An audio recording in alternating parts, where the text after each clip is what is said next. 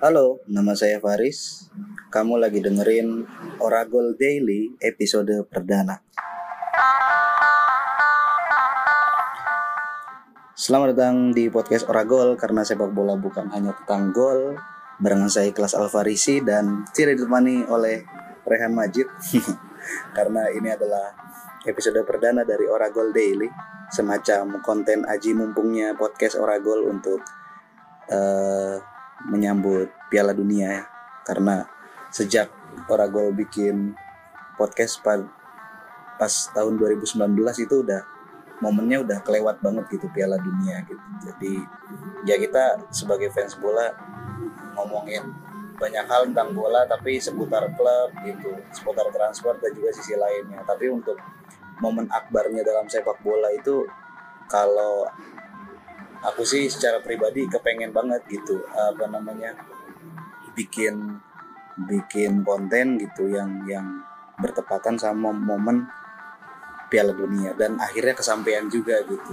Nah lewat Oragol Daily ini semoga ya ini semacam kayak check sound aja gitu. Kira-kira uh, kita di Oragol gitu aku sama Rehan itu bisa sekonsisten apa gitu membuat konten sepak bola gitu setiap hari. Nanti ke depannya itu bakal bakal harian gitu. Nanti hari ini uh, aku nanti besoknya Rehan dan lusanya aku gitu gitu kita ya terus nah ini adalah episode perdana yang direkam pada tanggal 21 November uh, sehari bukan sehari ya udah 24 jam belum ya belum 24 jam lah karena semalam sebelum rekaman ini dibikin itu baru aja mulai ya Piala Dunia 2022 yang akhirnya gitu dimulai juga gitu setelah uh, update banyak hal gitu. Ragol tuh pernah bikin episode namanya Qatar ini membunuhku. Nah itu tuh uh, di episode itu tuh kita lumayan banyak ngebahas soal uh, persiapan Piala Dunia Qatar yang banyak pro kontra terutama um, di persiapannya itu banyak banget gitu kasus-kasus yang menyalah menyalahi aturan-aturan kemanusiaan kayak misalkan uh, kasus terhadap pekerja dan lain sebagainya lah banyak lah itu udah udah banyak lah di searching tuh di internet bisa gitu. Malas banget buat ngejelasin. Ya itulah pokoknya lah ya. Dan ya pada akhirnya di di apa namanya di ya pada akhirnya Piala Dunia dimulai juga gitu.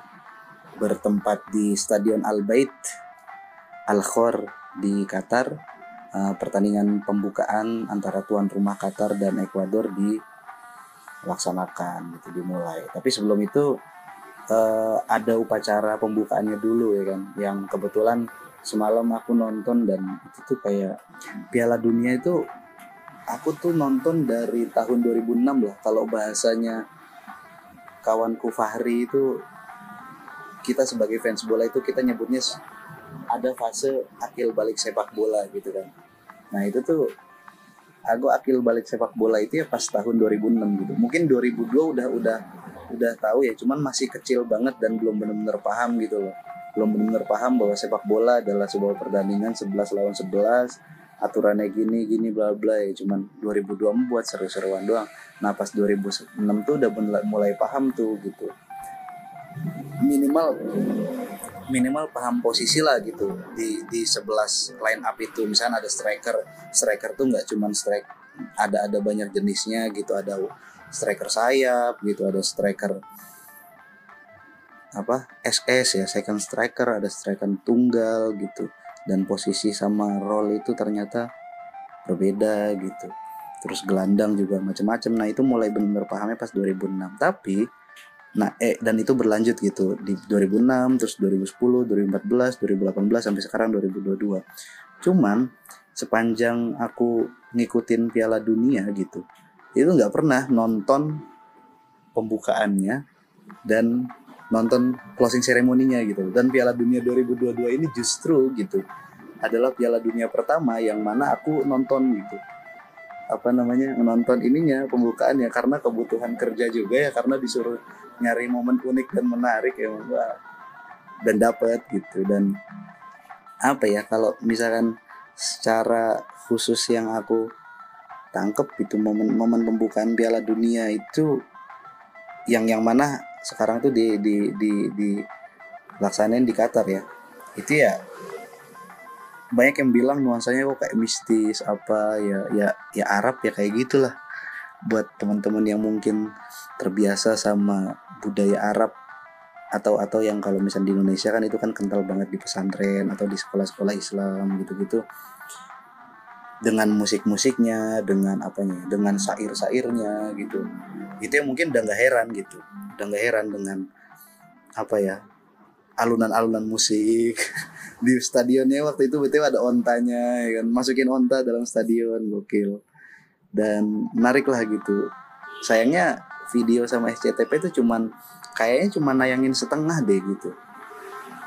Apa asumsi kayak karena ya setelah itu masa sih gitu penampilannya sependek itu pacarannya cuman ada kayak parade eh, kompilasi lagu-lagu Piala Dunia terus ada maskot-maskot Piala Dunia dari dulu sampai yang sekarang si Laib itu yang kayak Casper itu di apa namanya di Arak gitu. Terus sama ada nara, nara narator gitu Morgan Freeman sama si Ganim Al Muftah itu kan.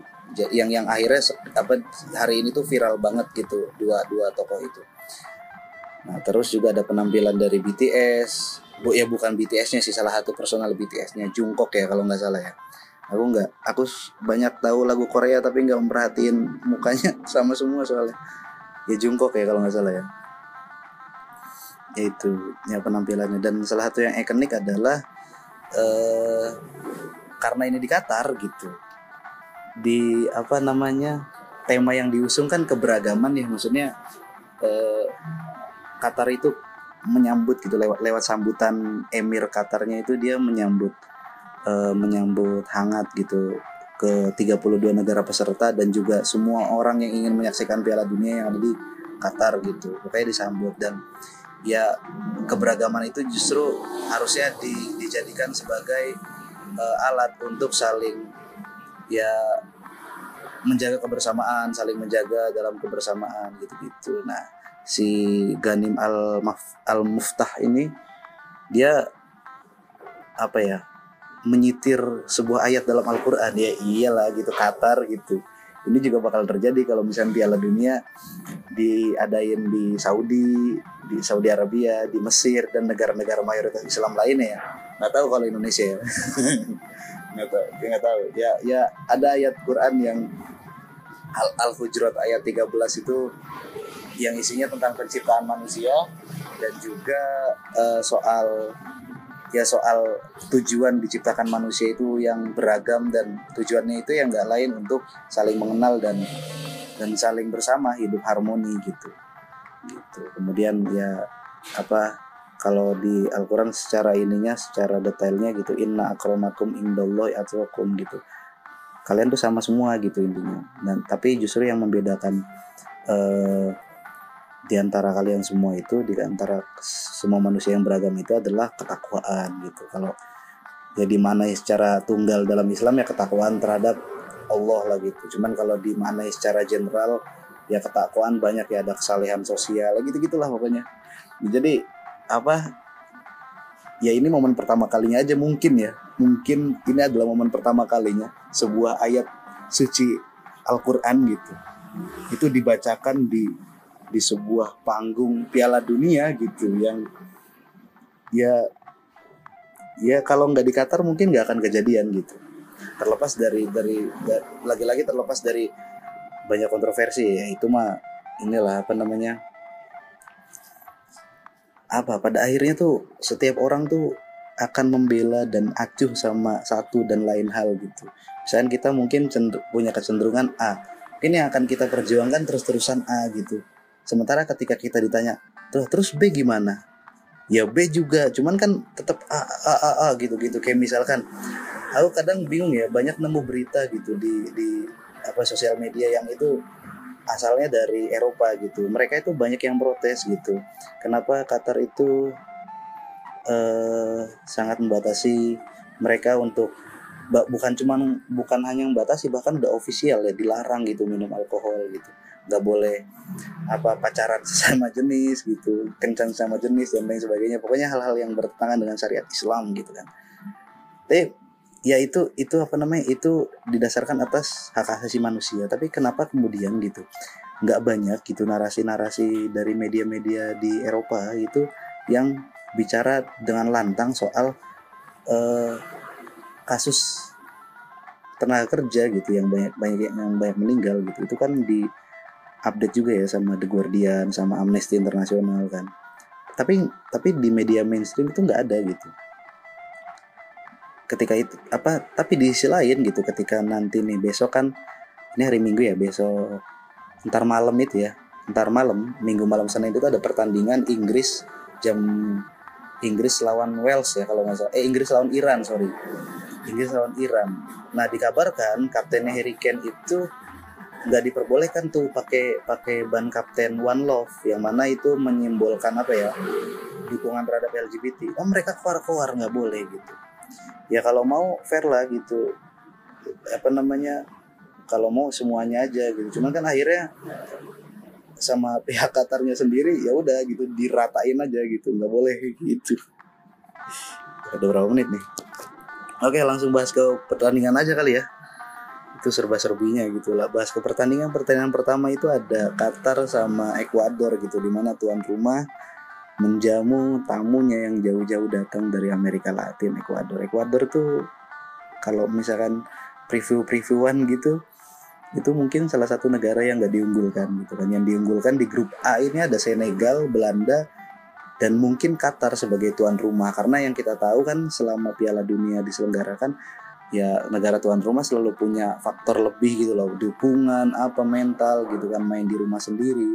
Tapi ini justru kebalikannya pertandingan pertama ini tuh. Eh Ekuador tuh justru mainnya lepas gitu. Mainnya lepas banget dan kayak kayak pengen nunjukin bahwa ini loh aku tuh lebih sepak bola dari kamu yang timnasnya itu baru bahkan baru mulai pertandingan internasional pertama itu 1970 gitu. Qatar kan ya 1970 kan timnasnya pertama kali main itu. Lebih lama ke mana-mana dari Indonesia bahkan. Jadi kayak pengen pengen nunjukin gitu. Jadi ada ada hasrat buat menang dan di apa namanya bahkan bahkan ada hasrat yang ingin melampaui dari sekedar pengen menunjukkan itu ke Qatar tapi pengen menunjukkan itu di Piala Dunia gitu kan. Ekuador dari Amerika Latin mungkin dia jadi mediocre aja ya di Amerika Latin. Tapi mungkin dia punya misi gitu di, di apa namanya di Piala Dunia.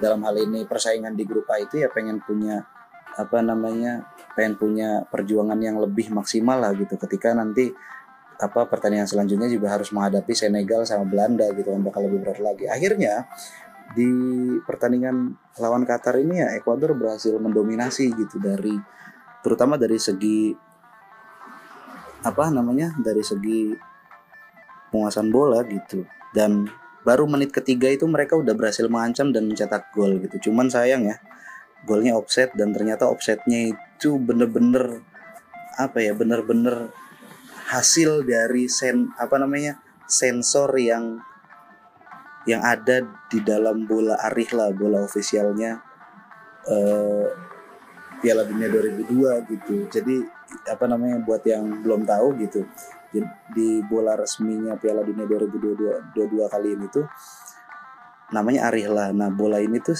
saking canggihnya gitu di dalamnya itu di dalam chip sensor gerak yang bisa dideteksi sensornya itu dari ruangan VAR gitu loh. Jadi udah nggak perlu pakai apa ya, pakai VAR untuk ngelihat lagi apa kasat mata gitu loh. Pakai VAR yang biasa di sudut-sudut lapangan, tapi bolanya sendiri udah mendeteksi bahwa dirinya itu offside gitu loh. Dan itu terjadi di momen pertama di momen pertandingan pertama di awal-awal banget gitu menit ketiga bahkan. Offside. Aturan ya itu dicetaknya sama Ener Valencia ya tapi gara-gara offside jadi akhirnya dianulir gitu kan. Tapi justru ya Ekuador nggak berhenti sampai situ. Dia akhirnya mampu tetap unggul uh, lewat tendangan penalti yang dicetak juga sama Ener Valencia ini. Dan nggak tahu ya Qatar tuh kayak kayak tumpul aja gitu kayak bukan timnas gitu. Maksudnya aku tuh pernah ngobrol sama Rehan tuh di salah satu episode Oragol tuh. Kayaknya timnas Eropa sama timnas Asia mah ya timnas negara-negara Eropa sama timnas negara-negara Asia tuh beda gitu girohnya gitu. Kalau orang-orang Asia tuh kalau balik ke timnas tuh kayak punya semangat lebih gitu loh. Itu mereka bahkan bisa menunjukkan semangatnya itu dua kali lipat yang dia tunjukkan di klubnya gitu. Karena apa ya? Karena mungkin nasionalismenya masih kuat gitu semangat kebangsaannya masih masih ini mungkin. Tapi Qatar tuh nggak kelihatan gitu. Nggak tahu. Aku aku buka apa bukan orang yang sering banget nonton Qatar ya. Cuman dilihat dari permainannya aku nonton 90 menit tuh kayak kayak tumpul gitu. Mana katanya Akram Afif yang jadi pemain terbaik Piala Asia 2019 terus ada Almos Ali terus pemain-pemain yang lainnya yang katanya tim ini udah dibangun lama gitu. Bahkan dari U19 gitu.